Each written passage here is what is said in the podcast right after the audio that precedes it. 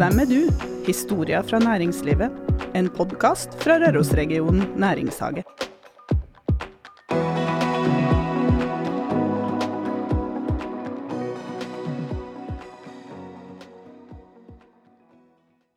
Dette opptaket er gjort i mars 2022. Hjertelig velkommen til alle nye lyttere. Og velkommen igjen til dere som har hørt på oss før. Og Kristin, hun må gjenta, kanskje på en litt annen måte i dag, hvorfor driver Røros-regionen næringshage med podkast? Eh, På en annen måte. Det er fordi Nei. Det er fordi at eh, næringslivet skal bli bedre kjent med oss. Det er for at vi skal bli bedre kjent med næringslivet. Eh, Og det er fordi at man skal bli bedre kjent med folka som er i næringslivet i regionen. Sånn at terskelen for samhandling kanskje blir lavere. Man lærer noe nytt om det folka du ser rundt omkring deg, og som er en del av samfunnet du sjøl er en del av. Ja. Jeg tror det kan være et godt utgangspunkt for ganske mye, egentlig. Ja, for vi er godt i gang. Ja. Og flere, det er ganske mange som hører på. Vi har jo tall. De holder vi hemmelig en stund til. ja, det må vi gjøre. Men, men, nei, ja, men det, er ikke, det er ikke gærent, skjønner du. Nei da. Men, men jeg tror faktisk at eh, altså vi, vi må jo begynne å se oss selv i speilet og gjestene våre i øynene. og sånn, og liksom Begynner å virke litt. Er det lettere å ta kontakt? Eh, Får man ideer sammen? Det, den typen ting. Det er ålreit.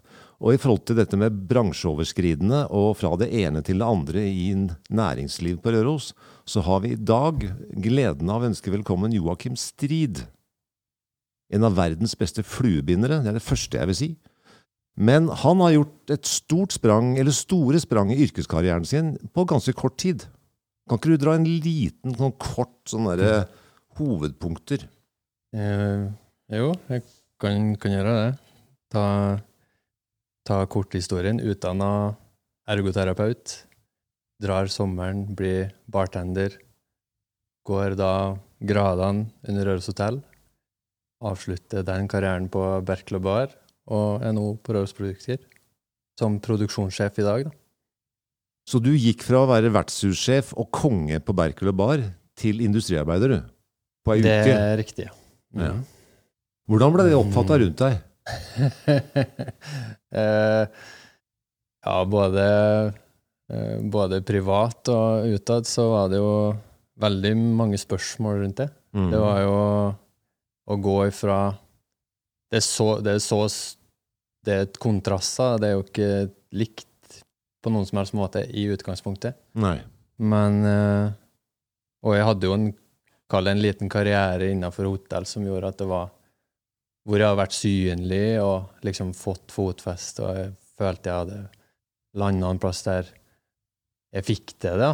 Og Ja, syntes, at, at det var, det var en eller annen ting jeg trivdes med, og Dere, syntes jeg fikk til. dere lyktes jo veldig godt. Det, Ja. det må jo sies, Joakim. Det, det var jo smekkfullt hus. Ja, og det, det var, var det. en eh, høydare å dra på Berkel og bar og bli betjent av en eh, Joakim. Kjempeopplevelse. Ja. Det var det. Ja, det var det. En opplevelse. Og rørosingene gikk ut i kvinner og menn Mhm. midt i uka, helg når som helst, spiste og drakk. Ja, det var kanskje det kuleste Noe av det kuleste. Det var veldig mange kule opplevelser der. Men eh, noe av det kuleste opp, man oppdaga, da, det var jo at det gikk veldig kort tid ifra vi åpna, til du så Det var plutselig folk som var ute, som aldri har vært ute ellers. Og som eh, eh, Og som kom i en hverdag, f.eks. Spiste, tok en øl, dro hjem. Eller i helgene da, at det kom tjukt av folk. Det var jo lite lokale også, det skulle ikke så mye til før det ble fullt, Nei, men det, det, er var, sånn, det er sånn. det var høyt eh, frekventert i en periode. Og veldig, veldig gøy, da. Må si det. Ja. Uh, skal vi se Det er det jeg tenkte jeg skulle spørre deg om sånn nå etterpå der, da. Fordi vi, har jo, vi sender alltid ut en, eh, en liten skjematikk med noen spørsmål. Og folk svarer litt forskjellig, selvfølgelig. Både i lengde og i mengde og hva det står. Men gode historier fra arbeidslivet som egner seg å fortelle. Punkt 1. Han har lagd ei liste, da. Den godeste. og der står det 'Skole, idrettskarrieren gikk i dass'. Ja, kort. Kan ikke du fortelle om den idrettskarrieren din? For den er ikke så gæren, den heller. Nei, altså, målet var jo skyhøyt, det. Eh, Jeg starta jo som mange andre med fotball, jeg og etter hvert fikk øynene opp for turn. Ja, det gjorde et du. alder av rundt ti-elleve år. Og det gikk jo da Det var, det var tøft nok, det. Men eh, For jeg var jo en av de en, på min alder, og dem som var yngre, så var det jo ikke noen andre gutter. Så du var jo Du ble jo kalt det, det ene og det andre. Så det var jo tøft på sin side, men så fant du et miljø der det var kanskje jeg som hadde fått opp øynene før resten, jeg vet ikke hva, men det var 100 jenter av meg. da. Ja. Så det var jo trivsel, det. Det var ikke så trasig, det, kanskje? Det var ikke så trasig, det. Men eh, Nei, altså også turen ble jo, ble ei greie som jeg elska overalt på jord, og okay. hadde lyst til å fortsette med det.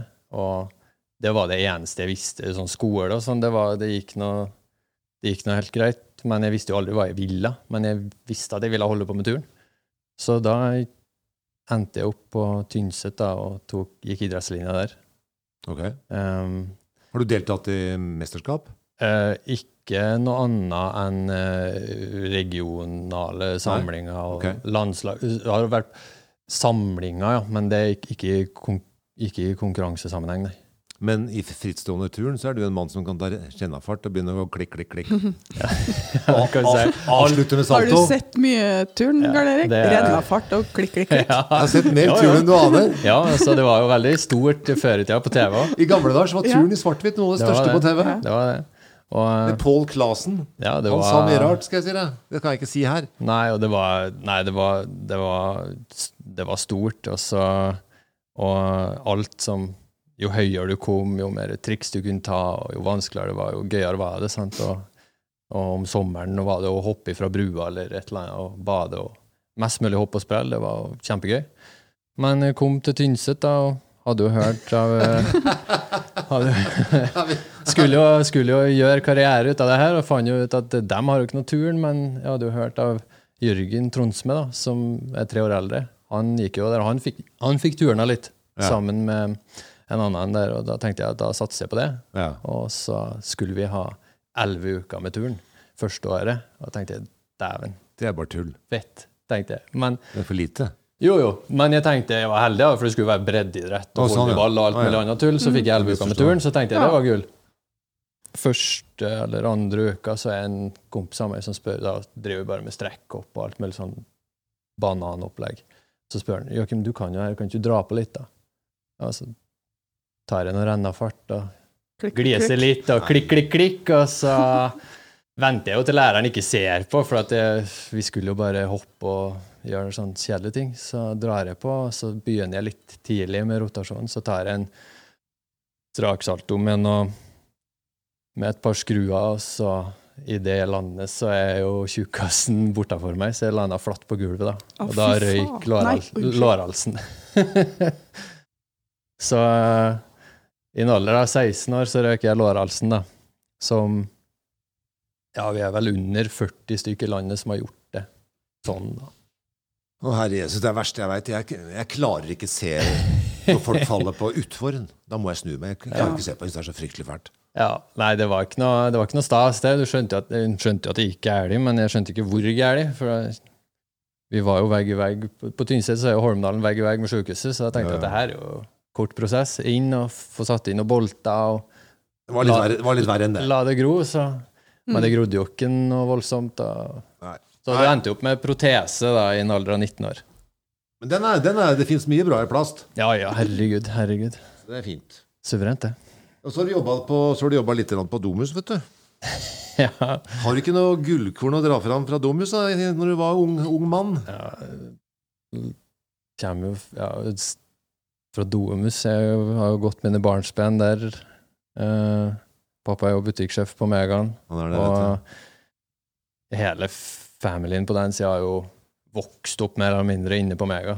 Og uh, starta Jeg var veldig Jeg syns jo det er litt sånn snedig, men jeg hadde kjempeønske om å jobbe da, fra tidlig av. Jeg syntes det så dritkult ut å tjene egne penger. Og. Så jeg snek meg jo til. Vi hadde jo Bak ved varemottaket der så satt jo to-tre stykker som hadde ansvar for varemottak og utsending av varer og sånn, og panteområdet, da, der tomflaskene kom inn. Og da, før i tida, så var det jo ikke det var jo ikke noe sånn komprimering av flasker og bokser og den biten. Det var jo sortering i kassa og alt der. Og det var, det var en av de oppgavene som de hadde, de tre da, som satt ute i bua og røykte og drakk kaffe. For de kjørte jo ikke varer hele dagen, så skulle de ta det. Men da lurte jo jeg meg til å få lov til det, da, og fikk jo skamkjeft av uh, fattern for at jeg gjorde det. Men uh, da fikk jo ikke dem noen ting å gjøre. Så satt jo tre, tre arbeidsledige og røykte og kosa seg og leste avisa. Men fikk du liksom 50 spenn av dem, eller? Nei, nei jeg, tror ikke, jeg, tror ikke, jeg fikk noe heller. Jeg, jeg hadde bare lyst. sant? Og så kom, var det en liten periode her etter hvert at det var sånn cola med sånne smileys på. Ja, ja. Vet du om du husker dem? Jo, du. I korken? ja, ja, i korka. Ja, så kunne du ta, ta, ut, ta ut det som var inni korka, og så hadde du seks sånne, og så fikk du en ny cola. da. Og det ble litt sånn business. Da tenkte jeg at nå, nå skal jeg gjøre det stort. Og da bare gikk jeg nå bakpå der, og jeg, jeg sto, skrudde korka til jeg, var, til jeg blødde, sant, og tok ut det der. Og, men jeg fikk jo samla opp nok til jeg hadde en kasse cola, og så likte jeg jo ikke cola engang. Så det var liksom Så jeg drakk jo ikke ofte. Jeg hadde bare stående på rommet, kommer jeg på. Men eh, nei. Og så havna, ble det jo sånn havna inn i butikken og fikk rydde papp og fylle varer, og etter hvert i kassa, da, og det var da jeg fant ut kanskje at jeg syntes det var jævlig gøy med folk. da. Prater fra klokka ni om morgenen, og det kommer inn pensjonister og handler samme banan og samme smøret hver dag. sant? Og Mm. du sitter bak eh, noen av de rutinerte kassadamene der og hører og lærer, ikke minst. da. For at de har jo et vanvittig tekke, mange av dem, på hvordan å behandle og prate til ulike folk. Uten Mm. at jeg tenkte over det så bevisst, så tror jeg jeg plukka opp litt. da. Få høre hva du lærte nå. Én ting. Én ting. en ting. Det det er- teknikk, det er teknikk, vet du. Ja, men altså, det går jo på eh, Alle har jo vært på Domus og gått i kassa der, men det er jo, det er jo noe med den Det å bli møtt med Det å bli møtt med, en- med noen som er blid og trivelig, og lurer på åssen du har det, Mm. lurer på eh, som starter med familien eller Mm. ungene, eller Ok. eller hvordan bilen går, eller hva som helst. Bare for å dra i gang en sånn smalltalk. Mm. Og enkelt, noen av dem er, er det jo bare tørt og jævlig kjedelig, men, men enkelte av dem var svindyktige, syns jeg, når jeg tenker tilbake på det.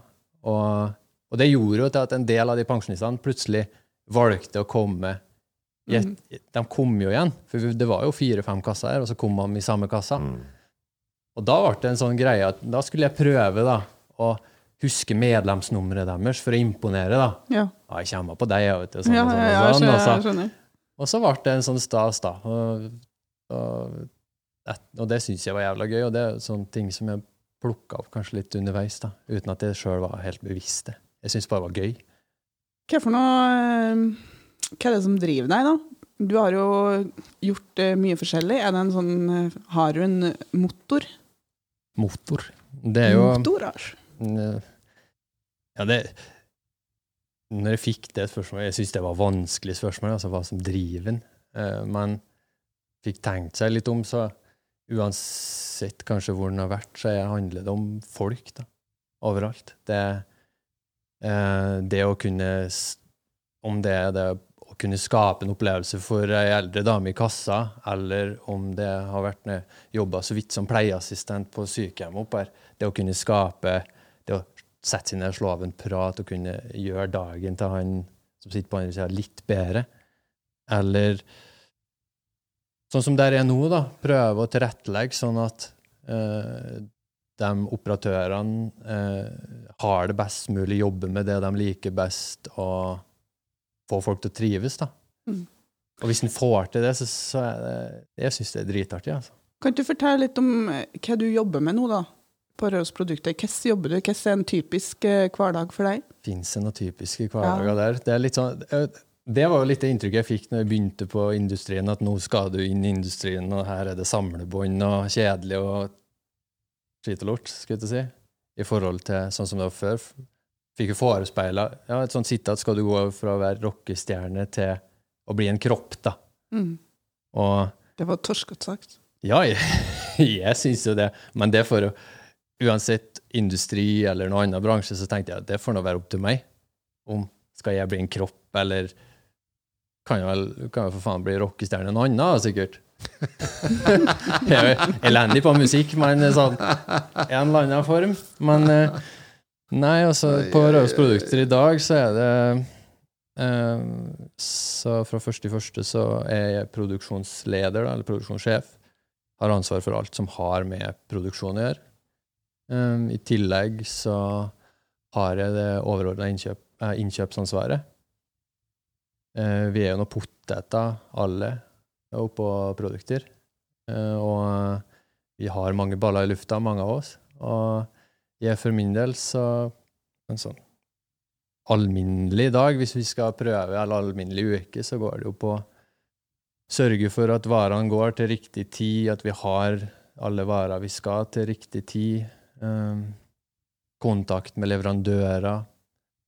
Um, og prøve å sørge for flyt, rett og slett, da, i produksjonen. Mm. I grove trekk. Hvor vet du hvor den grunnleggende respekten du har for andre mennesker? For jeg, jeg føler når du sitter og forteller Du har jobba på, på sjukehjemmet også. da, og Mm. Du har jobba i veldig mange steder. Du er utdanna ergoterapeut. Mm. Den der grunnleggende respekten jeg opplever at du har for andre mennesker, uansett hvem de er. Vet du hvor det kommer fra? Mm. Det er lett å tenke at man har det fra én spesifikk plass, men jeg tror jeg plukka opp litt, litt her og der. Men sånn fra barnsben av så var det jo det å se at uh, fattern inne på Megaen står som en sånn bauta inne på Megaen og Okay. jeg vet ikke sikkert han gjorde så jævla mye, men han står borte ved sånn som nå. Ja, hva du du, du, hvis du lurer på hvor han står, så er det gjerne ofte borte ved lokalmaten eller lokale ølen. Mm. Og så plutselig og står og jobber med noen turister, eller hva som helst. Men det å Og, og der tror jeg jeg plukka opp ganske mye ganske tidlig, da.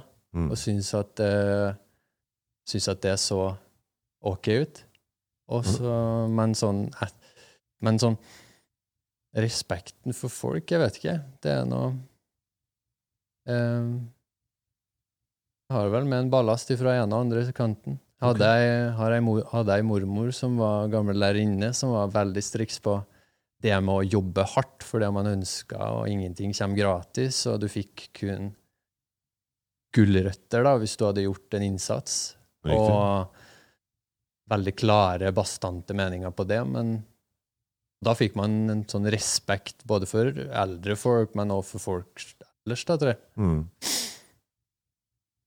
Og så opplever jeg at du er en merkelig miks av et Du er, du har, du er basis talentfull, så langt jeg kan begripe, i forhold til å behandle folk og drive med det ene og det andre. Og så sitter du her og sier at du fikk et spørsmål om hva er motoren din. Og det du har snakka om så langt når vi har møttes i dag, det er bare at du har en vanvittig motor. Så er det som verdens beste turner. altså gå lårhalsen. Og så plutselig begynner du å, å flasker, og så er det colakorker. altså Ja. Motoren er helt tullete. Men det betyr at du også, når du tenker etter, så, fin, så, så finner du ting du er i stand til å reflektere og tenke deg om. Ja, jeg håper det. Jeg Det er- håper det. ja, faen, det- jeg det- spør, jeg. Ja. Nei, du sier nok sikkert noe der. Det, Du, har- du har ikke tenkt, du har ikke nei, tenkt nei, på det? Nei, og så er det, eh, det Det var noen som Hvem var det som spurte om det? Men det var noen som lurte på eh, eh, Åssen det var det å liksom å kunne ha det så For jeg, for jeg har at jeg hadde det artig hele tida, uansett hva jeg holder på med. Og så, hvor, og så var det liksom sånn hvorfor det, og hvorfor det, men det var ehm, Og så handla det litt om Det ene var gleden og den opplevelsen av å, uh, å gjøre noe for andre, da. Men, men så var det noe det om å bevise for seg sjøl at det her fikk jeg til. Og så hadde jeg en sånn innstilling, da. Jeg vet ikke om det var bevisst eller ubevisst, men det at jeg legger meg på et veldig lavt nivå sjøl, da. At jeg tror ikke at jeg kan, eller jeg tror ikke at jeg får til, men jeg skal motbevise meg sjøl om at jeg får det til. da. Mm. Og Det er jo smart, da, for du blir ikke så lett skuffa. Nei, Det, det, det, lov, det blir lov å gjøre feil, Ja, ja, og så bare fortsetter du. ikke og sant? det, og det Ja, har ja. vært Det tror jeg kommer Det, det tror jeg har liksom bunnet fra turen, da, fordi at det er tøft å gå på ungdomsskolen som Eller på ungdomsskolen som eneste gutt da, på turen, Mm. og få de slengbemerkningene etter seg at du er Ja, du er nå både eh, kjerring og homo og ballerina og alt det andre. Ja, det, det er jævla sånne tøft ting. gjort. Og, men, og det syns jeg var ekkelt ei stund, og så fant jeg ut at nei, men det er jo ikke ekkelt. For jeg tok meg jo sjøl i å snikikke på ballettimene som var oppe på scenen inne i gamle salen. For jeg syntes jo det var så jævlig fascinerende med ballett. Det, var, det som var litt så jævla drit, var at det var samtidig som turn, så da måtte jeg jo velge litt. da. Ja. Så ble det turn. Men er det, ser jeg tilbake på nå, så kunne jeg like gjerne vært, kunne like gjerne vært ballett. Mm. Men det var noe med det å motbevise for seg sjøl at jeg får det til, og, og legge seg på et nivå som at jeg kan ingenting i utgangspunktet, og så lærer jeg mest mulig, og er hele tida åpen for å lære nytt og tilegne seg ny kunnskap. da. Vet ikke. Men vil du bli best? Når du først har liksom kommet i gang? jeg vil eh, jeg, Der må jeg nok si ja. Jeg, det vil jeg. Det er hvis, eh, Gard Erik var inne på så vidt der til å begynne med, med fluebinding, eh, fluefiske Jeg har noen sånne kalle sære lidenskaper, hobbyer ellers òg, Mm. som jeg holder på med i ganske mange år. Og eh, det går på et sånt nerdenivå at jeg skal jeg oppdager noe nytt, skal lære meg det, og når jeg mestrer det, så, jeg lære, så går jeg ut, da legger jeg det til side, så er det noe nytt. Og, men da er det innafor sjangeren fluebinding, da. Det har jeg klart å holde på. Mens ellers så er det eh, i jobbsammenheng med data eller med noen programvare eller sånn, så har jeg lyst til å lære meg alt jeg kan for å kunne både gjøre jobben best mulig, men men for å eventuelt finne feil jeg hadde jo, Nå har jeg akkurat anskaffa meg en liten valp. Ja. Fuglehund. En ny fuglehundvalp. Bretton. Som er 16 uker nå. Og okay. jeg har gått innkjøp av Garmin-utstyr, sånn kart og der. Er du i gang. Svindyrt, da. Men, eh, Det er det. men det er noe greit nok. Men de hadde sånn kartfunksjoner, og da blir jeg nølete med en gang. Det her skulle jeg lære meg sjøl, da. Mm. Så jeg fikk tak i kart og begynte å sette opp det her. Så legger jeg merke til at uh, håndholdte enheten, den, på kartet så står det ikke fjelltopper, navnet på fjelltoppene. Og da, da, skur, da, da krasjer det for meg. Det, ja, men det må jo være fjelltopper på et jævla kart. Altså, det er jo noe, det er jo ganske sentralt. Det sto bekker, det sto høydedrag, det sto alt mulig annet tull. Men fjelltopper står jo faen ikke. og da bare, det her må jeg finne ut av hvorfor. Og så begynner jeg å fikse og trikse og gjøre det jeg kan, og så kontakter jeg Garmin Support, og vi ble jo et lite sånn team, da. For han også syntes jo det var jævla merkelig, han som satt på support i Norge. Og så har korrespondansen gått da frem og tilbake og frem og tilbake, frem og tilbake, og så er det her noe sånn et utviklingspotensial hos dem da på programvaren. For, for vi fant ut at fjelltoppene kom fram bare på Zoom på 1200 meter. Ikke nærmere, ikke lenger unna. Og det er sånn, uansett hva jeg er borti, så blir det litt sånn nerding, da. Hvis jeg finner interessen for det. Jeg tenker du er veldig heldig som har det der løpet der. Du er liksom nysgjerrig på nye ting, og så er det liksom masse drive til å finne ut av det, til å lære det, I, altså akseptere at man starter på null liksom, og skal lære seg, og så samtidig ha et ønske om å bli veldig god på det. Det, det er ikke så veldig ofte det skjer, at man har liksom hele det løpet. Nei, det er jo jævlig gøy, da. Ja, du Også, må ha det en del artig. Ja, men altså blir det jo det at når man kommer Når man når noen sånne Man har jo vært innom sånne prosesser før i jobbsammenheng, at man skal sette seg opp noen sånne delmål og mål. Hvor vil man, og hva vil man få til med det prosjektet, eller hva som helst. Men at når man sånn personlig sett når noen sånne mål, da, Ja. så får man sånn, kan man gi, gi seg sjøl litt sånn klapp på skuldra at faen, det her var jo bra. Mm. Men kunne sikkert ha vært flinkere til det òg. Mm. jeg vet ikke. De siste 33 åra, apropos nerdeting, de siste 33 åra så har jeg filma Sølvfinalen på Kongsvoll. Det vet jeg. Og det vet du. Og det skal jeg si, det, skal jeg si, det oppdaga jeg for to dager siden. Okay. Jeg satt og så på YouTube. Det, her, det er jaktprøver. da. Ok. Og jeg, bare sånn for gøy så satt jeg og så på noen sånne gamle opptak, eller ikke gamle, bare sånn siste årene, opptak av jaktprøver eh, på YouTube. For jeg ville se åssen de gjorde det, og var nysgjerrig, da. Og så, hører, og så er det en sånn som går og filmer og prater i bakgrunnen. og, det her, og jeg sier, jeg sier jo til Hege og samboeren bare sånn Hører du hvem det her er, eller? sier jeg. Men det var ikke det Det, tok- det tok 30 sekunder. Karl Erik. Og så sier jeg det, men det, Og så tenkte jeg det, men det her måtte jeg få bekrefta, så jeg, jeg ringte jo til en kollega. da, Så bare, jo, det er Karl Erik, det har han holdt på med lenge. Det Det var var kanskje ikke så vanskelig å høre til deg. en digresjon, men det var, men det var Nei, det er kjempegøy. Men, men uansett, ja. Brettung var ikke i finalen i år etter år etter år. etter år. Og så kom det en svenske som kom seg til finalen for noen år tilbake. De siste tre årene så har det vært Brettung i finalen hvert år. da. Så, men, det er liksom ikke, men det er jo få brettonger, da. Men de har vært flinke på avl de siste årene. Hva var det jeg tenkte jeg skulle nevne? Ja. da, Apropos nerding. ja. Og så må vi tilbake til Røros Produkter, som i mellom 1968 og 1995 var en verna bedrift, en såkalt vekstbedrift. Eh, De jobba og det var, eh, Vi har jo da Optimus i dag, som er en såkalt vekstbedrift på Røros. En veldig veldrevet, fantastisk fint sted for veldig mange. Men det at en, en, en, produkt, en, sånn sånn som Røros Produkter går fra å være en verna vekstbedrift, og så tar Mai Kristin og Rolf Sjølberg over i 1997. Det stemmer. Og så bruker de tid, jobber jevnt og trutt og jevnt og trutt. Mhm. Og så kom du inn der nå for tre år siden? Fire år Nei, siden? det er faktisk eh, Ja, det er fire begynner på femteårene, og det var slutten av 2016. Mm. Så tida har gått fort. Hvordan, hvordan ble du Dette er nesten head, Du ble headhunta. Ja, noen, måtte, ser- noen måtte ha sett et eller annet talent. Nei, også samtidig så Du søkte ikke jobb, du ble spurt om å jobbe der. Jeg har, eh, jeg har levert eh, åpen søknad, det. Du har gjort det? Mhm. Ok. I, på et tidligere tidspunkt. ok. Riktig. Eh, men jeg ble kontakta av Rolf direkte Ja. eh, den sommeren. ja. Så det var ikke noe sånn Det var ikke, det var ikke noe forløp eh, på bakgrunn av det, tror jeg, men jeg har levert åpne søknader, jeg. Ok.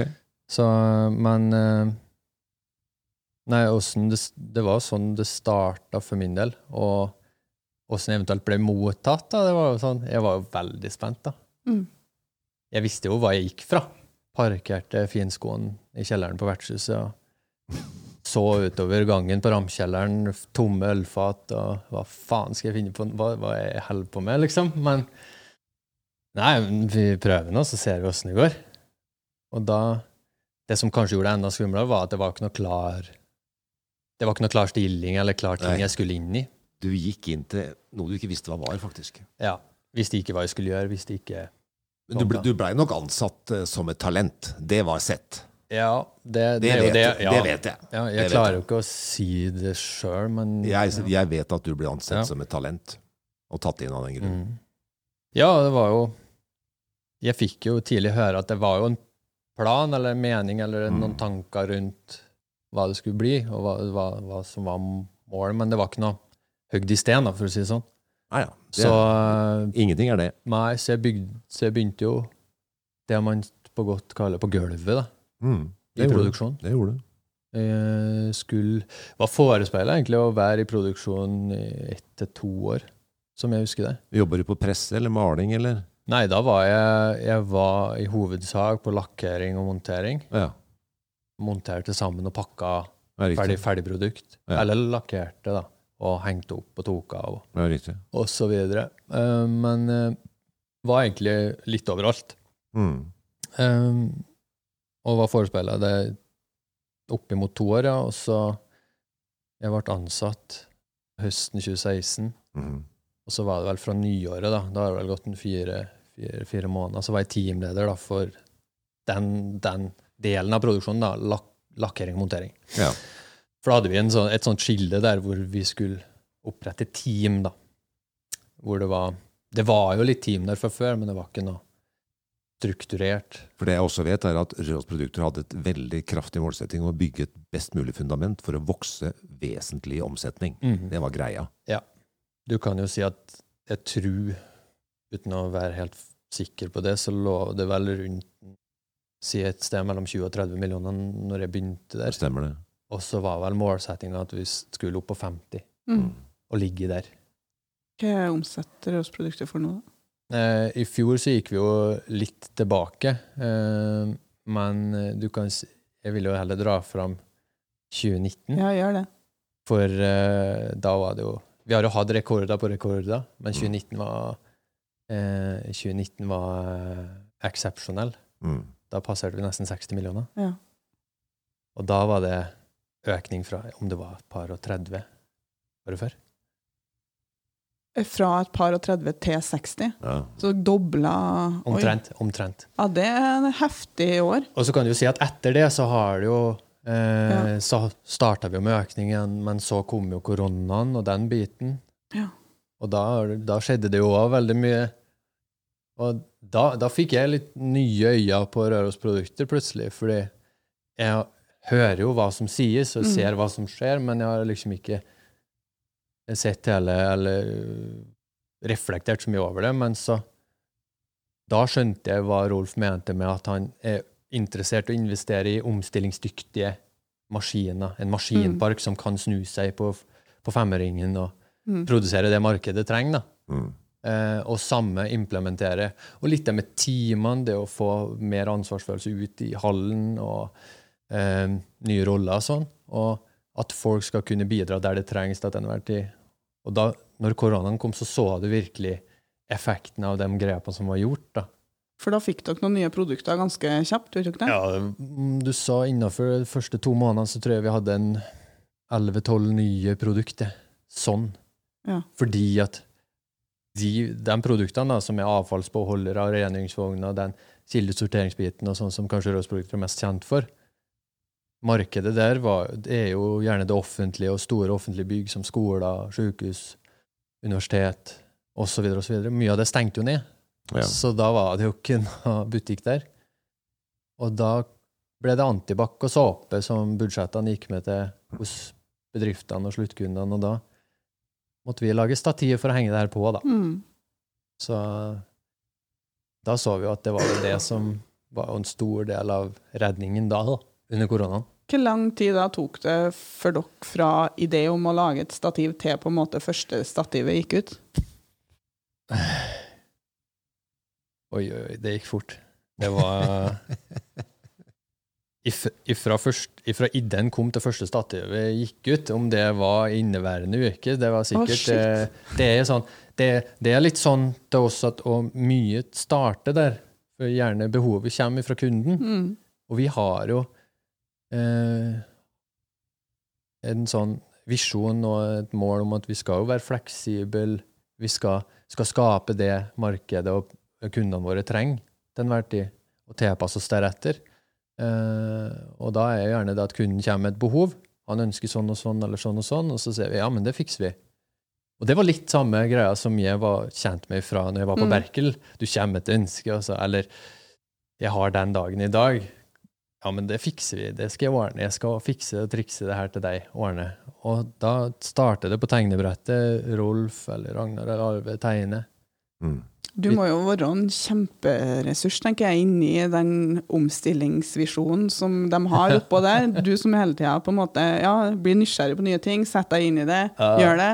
Altså, Jo, det er jo jeg, samme motor, nesten, da. Ja, og så er jo det, det med Jeg vet ikke, hvis du dem, Det har blitt dratt fram ei sånn bok i nyere tid, sånn omgitt av idioter, at du er sånn, Ja, ja. du er sånn, eller du er sånn, eller du er sånn. Og så sånn personlighetstyper. Den Vi er, det, har, eh, Ja. det har vi snakka mye om, med Jan Gard Erik òg.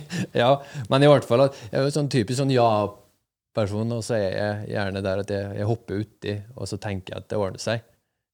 Og det gjør jo ofte det òg. Det gjør ofte. Jeg har faktisk lyst eh, Jeg har faktisk lyst til å lese Du er litt beskjeden på egne vegne. Du, er, du har litt vondt for å snakke pent om deg sjøl, det er helt greit. Men her står det Vi, vi stilte følgende spørsmål skriftlig til unge herr Strid. Hva er det som driver og motiverer deg i arbeidet ditt? Han svarer i tre punkter. Og dette er helt strålende, folkens. Jeg har lest mye ledelseslitteratur. Dette her er nesten en bok alene og ferdig. Punkt én. Det som står over, i tillegg til å skape glede hos andre, vise andre at de er den de trenger og kan lene seg på. Som produksjonsleder, personalansvarlig, så lever jeg for å gjøre hverdagen til de rundt meg lettere, uansett hvor smått eller stort, og så liker jeg å utfordre. Punkt to. Liker å tro at det ikke finnes fasit. Punkt tre. Kick av å mestre, jo større fallhøyde, jo større kick, kanskje. Og underpunkt. Kan synes det er for jævlig havne på dypt vann, men elsker å bevise at jeg kan svømme. Det er jo, det er jo litteratur, dette. Ja, fy faen. Har jeg ikke, var ikke det bra? Ja, jeg skrev det Ja, det har du skrevet. Men har du, har du vært noe særlig på dypt vann, Joakim? Kan du ikke fortelle Ah, om en gang du har gått på trynet, eller eh, bortsett fra det her med lårhalsen, da? Hvor mange ganger? På dypt vann, det har jeg vært titt og ofte, tror jeg. Um, Hva du gjør da? jeg prøver å gjøre det beste ut av det, ut av situasjonen. Uh, men det handler om liksom Hvis jeg skal dra fram noen ting, så er det sånn Jeg husker jo um, ifra Hvis vi tar Røros Produkter, så kan det jo være gjerne det at uh, jeg som har produksjonsansvaret, da, uh, har glemt å justere når eller glemt å uh, gjort den planleggingsbiten som jeg burde ha gjort, sånn at ting skal skje når de skjer, da, og så plutselig kommer det her som, som julekvelden på kjerringa, midt i fanget på oss, og faen, det her skal vi levere nå. Hva gjør vi? Mm. Dypt. Jeg skal levere. Sånn og sånn. Og da handler det om å liksom ta tak i de folka som må til for å, for å få det til. Eh, gjør alt jeg kan for at vi skal nå de målene. Eh, men da er det men, Og da stå fram kanskje som det, og sette fram brystkassa med lue, lua i handa da, og si at her har jeg drette på draget. Mm. Kan dere hjelpe meg? Ja, ja. Det er litt der, da. Mm. Det er lurt, tror jeg. Og, for, og i stedet for å stikke det under stolen at nei, her har de på salget lagt inn feil dato, Mm. eller Jeg eh, skjønner, jeg på andre, drit og lort. Mm. Eh, stikk fram hodet ditt sjøl, så blir du fortere ferdig med det. Men du har òg mye mer igjen for det etterpå. Mm. For da har de trua på det du kommer med, da, Da tenker du, jeg. du får tillit, da. Og så på vertshuset så var det jo det at det kunne gjerne plutselig stå 30 mann som skulle ha ølsmaking. Jeg hadde full restaurant og full pupp, og så skal jeg ha ølsmaking på en times tid med en gjeng nede i, ned i kjelleren. Som jeg ikke visste om, da, kanskje. Mm. Men da er det sånn Det skulle ikke jeg la gjestene merke, da. Okay. Og da var det Hvor mye innsats klarer jeg å legge ned på, på ti minutter? Som gjør at de skal få samme opplevelsen som om det her har vært godt planlagt i forveien. Det er egentlig altså det er utrolig hvor vanskelig det er for mange å innrømme at man har gjort en feil, og be om hjelp, når det er så to viktige, essensielle Mm. ting som eh, kan bety så mye for mange, da. Mm. Er det lov å skjøte inn da at jeg vet at de rundt meg de sier at jeg er for dårlig til å spørre om hjelp? Ja, ikke sant? Ja, jeg skjønner. Men eh, prøve. Mm. Men uh, vi starta, jeg starta med å presentere deg som en av verdens beste fluebindere. Og Mm. du har vært innom nerdeting og det ene med det andre. Jeg skal binde opp to nye otere til sommeren. Mm. Uh, da har jeg, jeg har en variant av Heckham Peckham Green med, med seleull. Mm. Med grønt, hvitt og og svart. ikke sant? Og så, altså, noen, jeg kommer til å spørre deg om litt hjelp til den, eh, de to otefjølene mine. Ja. Mm. Veldig viktig at det er med i podkasten. Det er viktig. Det er viktig, avgjørende viktig. Fordi det er bare greia. Det er deilig å være nerd noen ganger. Og så er han Jeg har sett laksefluene hans innramma. Det er så vakkert, det. Det, Men jeg må, jeg, Ja. jeg må spørre, for at du er jo veldig opptatt av folk, og masse med folk. mm. Er du like glad i folk på fritida? I og med at du binder en hel haug med flugger, liksom? Se for deg en fluebinder, da. Hva gjør Ja. da, da er jeg sånn Du sitter jo inne på et Ja, nå har vi jo bygd oss nytt hus og alt det der, og vi har jo noe som heter et gjesterom. Ja. Det er jo ikke et gjesterom, det er jo et er er fluebinderom. Så har vi, en, utvend, vi har et, en utvendig bod hvor det skal være turutstyr. Ja. Det er bryggeri. ja. Med innlagt vann og strøm og så videre. Og så videre. Men eh, i hvert fall eh, Nei, som Jeg elsker jo folk. Men samtidig så elsker jeg å fortape meg i duppeditta småting. Mm. Og liksom og opp, oppleve det som heter sånn flow, da. Tida bare flyter. Og det, kan, det, kan, det får jeg med folk og sånt, når jeg er på jobb og alt det der. Plutselig er dagen over. Og så helvete, jeg har ikke tid til å dra hjem, egentlig. Og det er ikke nødvendigvis for at jeg må gjøre det ferdig, men det er jo fordi at jeg er så godt i stimen. Mm. Men sånn er det når jeg sitter inne på det kottet da, og binder flua. Og da avslutter vi med det. At Joakim Strid forteller om hvordan han opplever flow. Og fra i mitt hode, denne lille timen eller disse 40 minuttene med Joakim, inni her så ligger en hemmelig oppskrift hvordan du kan oppleve flow. Takk for besøket, Joakim. Jo, takk.